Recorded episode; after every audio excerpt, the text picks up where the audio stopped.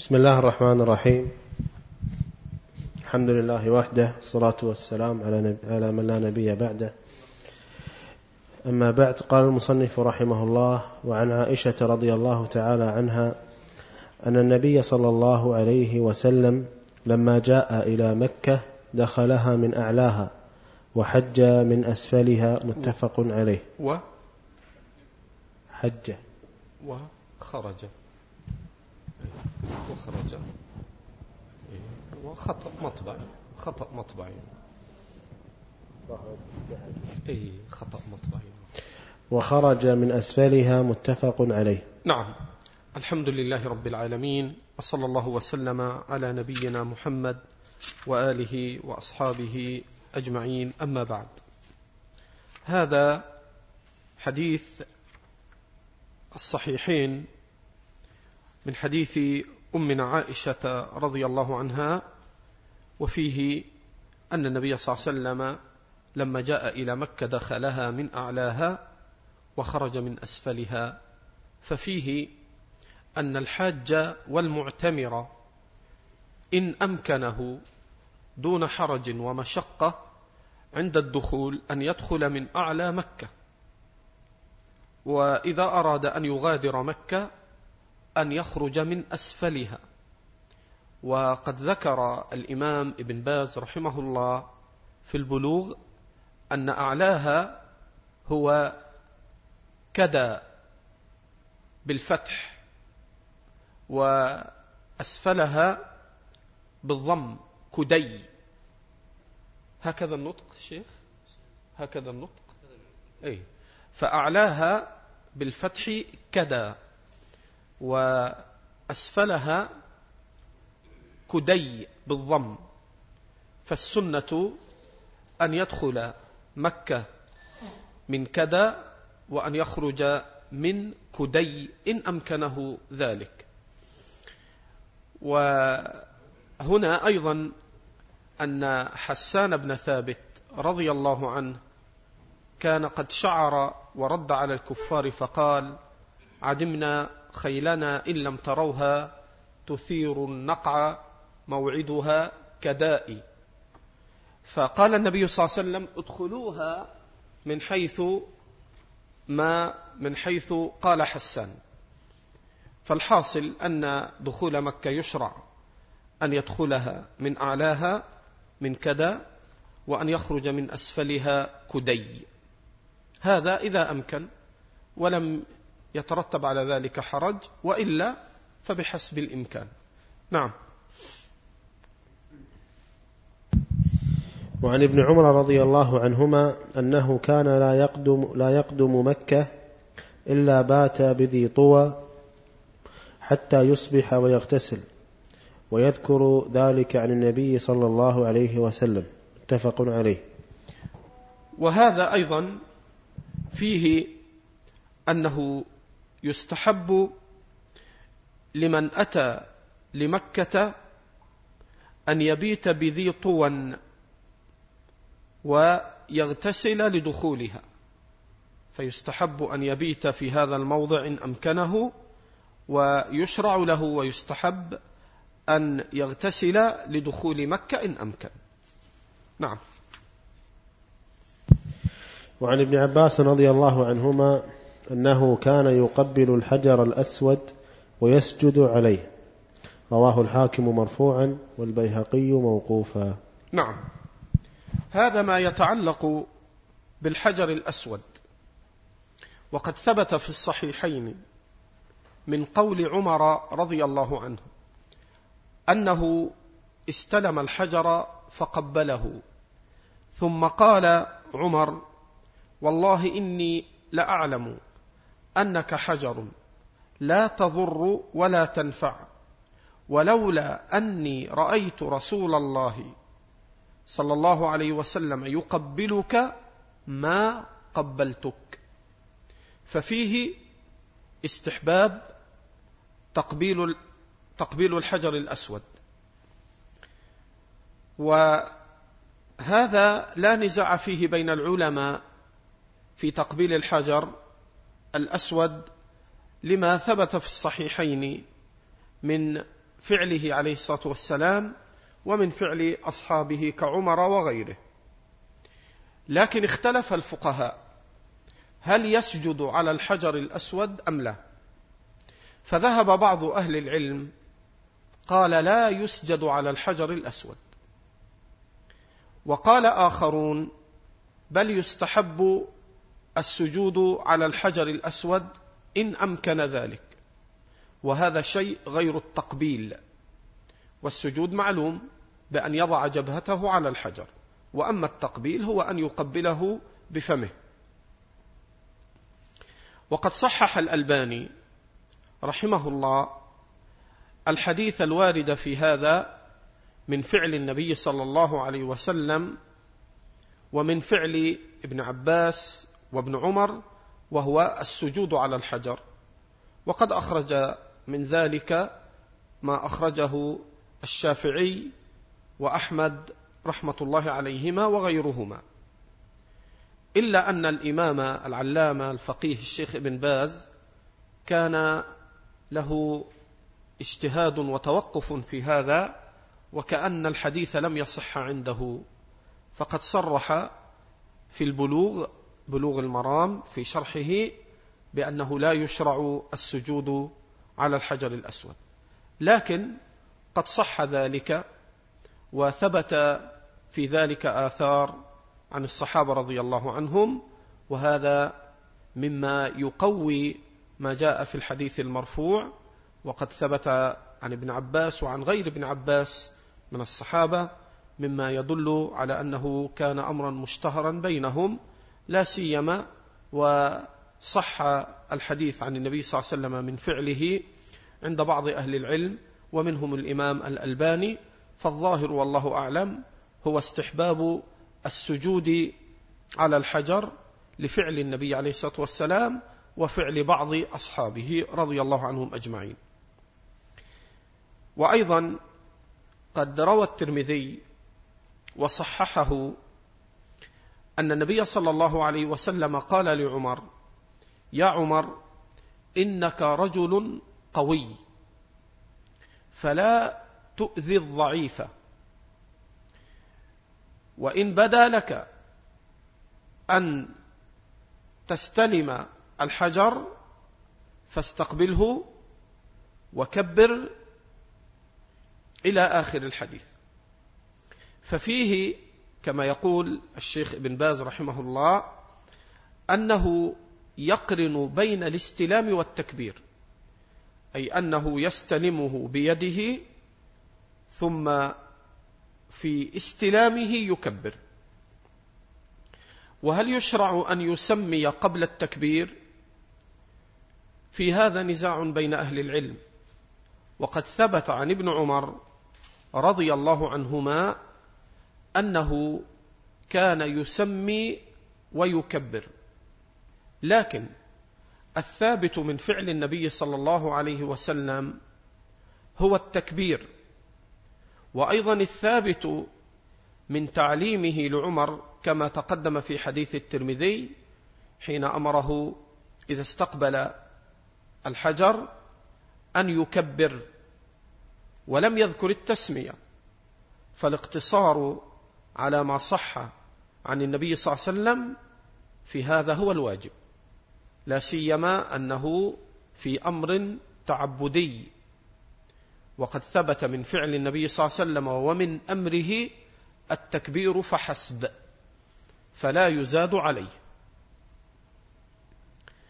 وثبت أيضا أن النبي صلى الله عليه وسلم كان إذا لم يمكنه أن يستلم الحجر استلمه بمحجنه.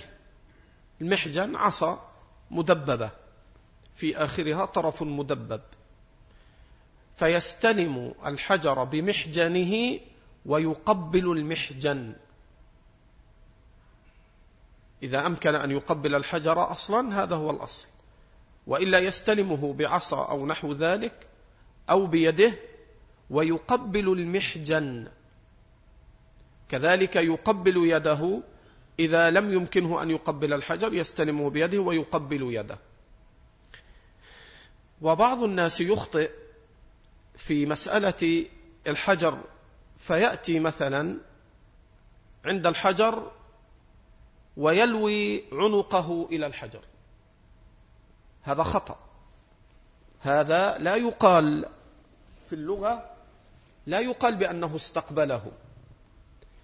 والثابت من فعل النبي عليه الصلاة والسلام ومن تعليمه الاستقبال.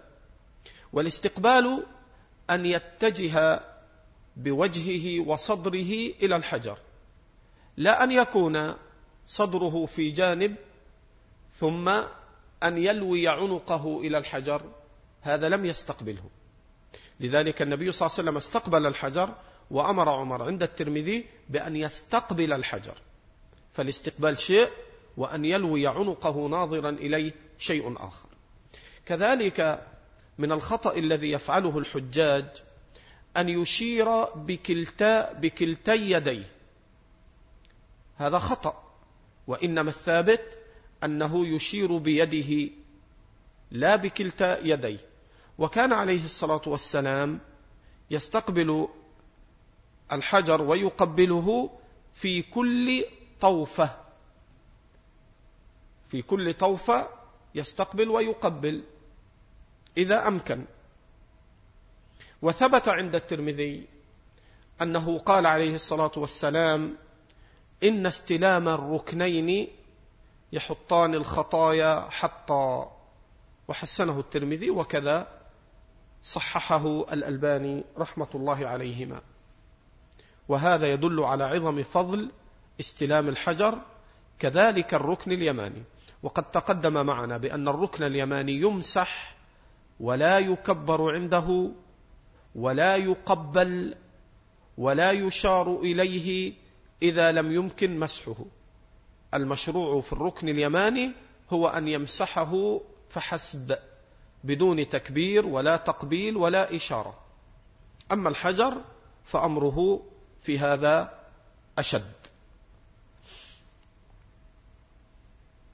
وقد ثبت أيضا عند الإمام أحمد وغيره وصححه الألباني رحمة الله عليه وغيره من الحفاظ من المحدثين أن الحجر الأسود من الجنة.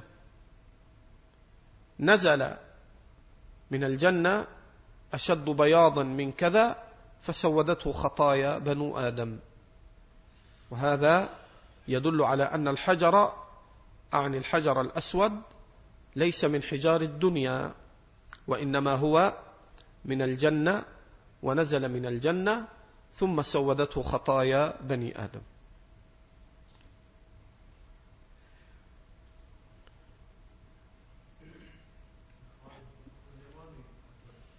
نعم.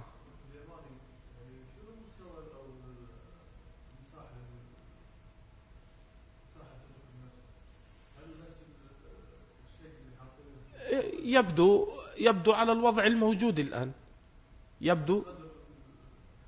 إيه هذه تحتاج إلى أهل العلم هناك. ما أدري أبو العباس يفيدنا بهذا. يقصد الركن اليماني ما هو القدر اللي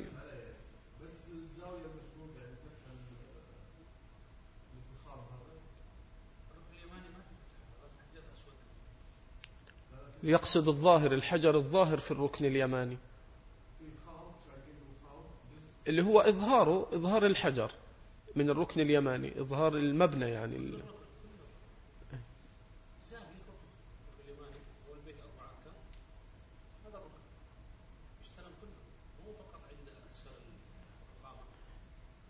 يعني يقصد الشيخ مطلق الركن الركن كاملا يمسح عليه الزاوية هذا الركن اليماني؟ هذا الحجر الأسود إي نعم. هذا الركن اليماني هذا الحجر. الأسود إذا جيت الركن اليماني تمسح حيث ما في هنا هنا هنا تستلم استلام. أما الحجر الأسود الذي هناك هو صاحب اللي هو الأسود هذا السود المعروف. هذا الحجر الأسود. أي نعم. عليك السلام. اي واضح. أحيانا يفعلون هذا. لكن هو المشروع الركن نفسه.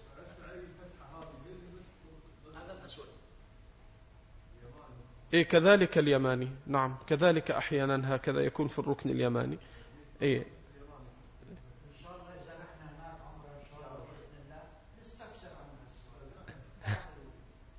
إذا المقصود الركن نفسه. واضح؟ اي نعم. طيب. هذا ما يتعلق, ما يتعلق بتقبيل الحجر الأسود والسجود عليه والله أعلم. نعم كمل أبو إبراهيم تفضل. وعنه أي ابن عباس قال أمرهم النبي صلى الله عليه وسلم أن يرملوا ثلاثة أشواط ويمشوا أربعة ما بين الركنين متفق عليه. نعم. تقدم معنا أن الرمل هو أن يقارب الخطى في المشي مع شيء من الإسراع وهذا هو السنة أن يكون في الثلاثة الأشواط الأول. فيرمل في الثلاثة الأول فيمشي مسرعا مقاربا الخطى وما بقي من بعد الثلاثة من السبعة فيمشيه مشيا. هذا هو السنة. وقوله هنا قول ابن عباس ويمشوا أربعا ما بين الركنين. إنما كان هذا حين قدموا وقد أنهكتهم حمى يثرب. وكان المشركون قد جلسوا مما يلي الركنين ينظرون إلى المسلمين وهم يطوفون. ف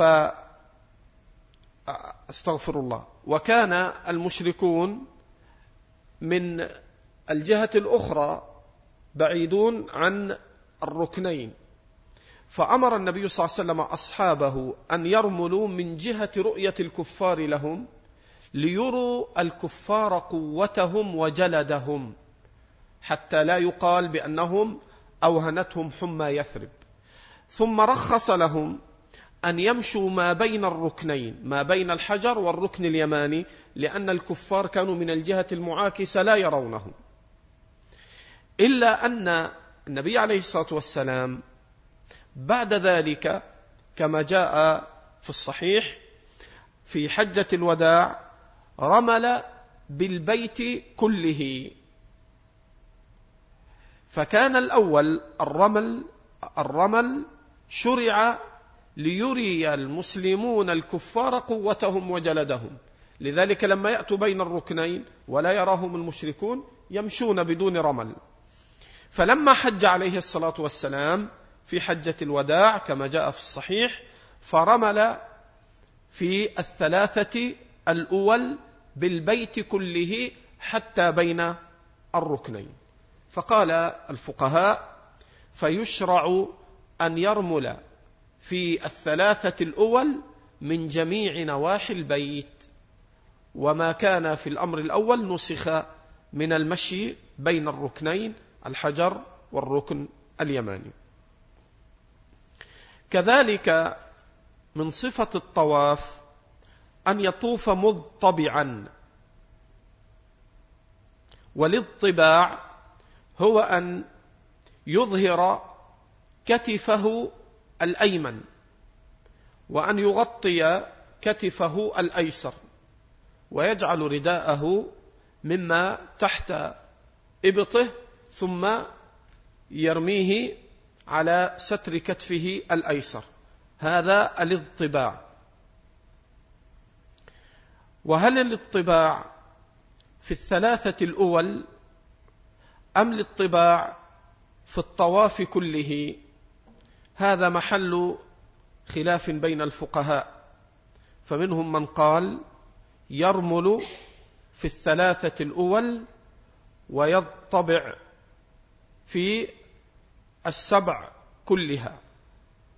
وبعض الفقهاء يرحمك الله وبعض الفقهاء قال إنما الاطباع مشروع في الثلاثة الأول مع الرمل مع الرمل ثم بعد ذلك يغطي كتفه.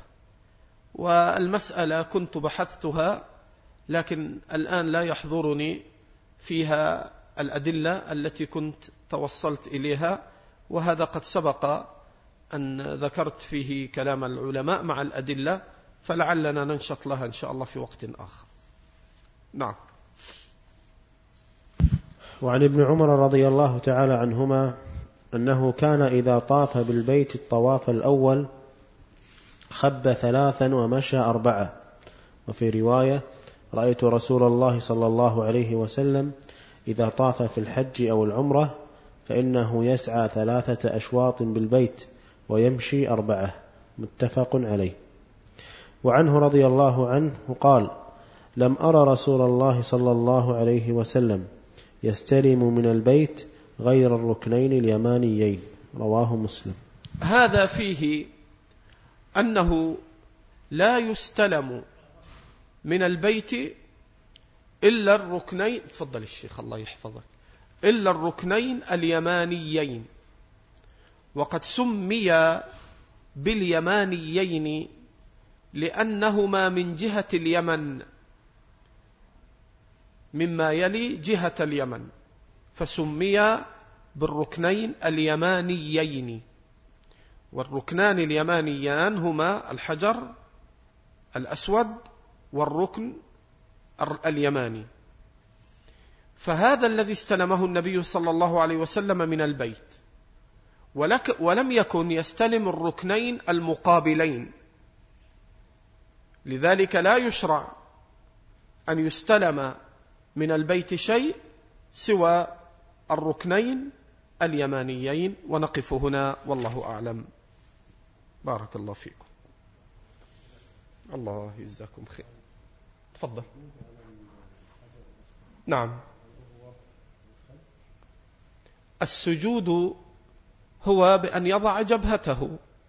هذا هو معنى السجود. هذا هو معنى السجود. وبده حين يضع خده أو حين يضع جبهته فلا شك أنه يقابل ذلك وضع الخد. واضح؟ أي لأن هذا معنى السجود هو وضع الجبهة. فلا شك حين يضع الجبهة أنه يمس الخد فيكون مقابلا لخده وجبهته. عندك شيء هنا؟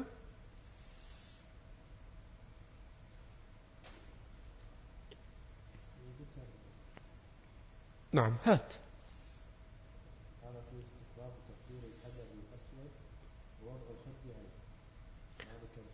لا الأدق ما جاء عند الشافعي في الأم والإمام أحمد وثبت عن النبي صلى الله عليه وسلم وعن ابن عباس وعن غيره أنهم كانوا يسجدون على الحجر.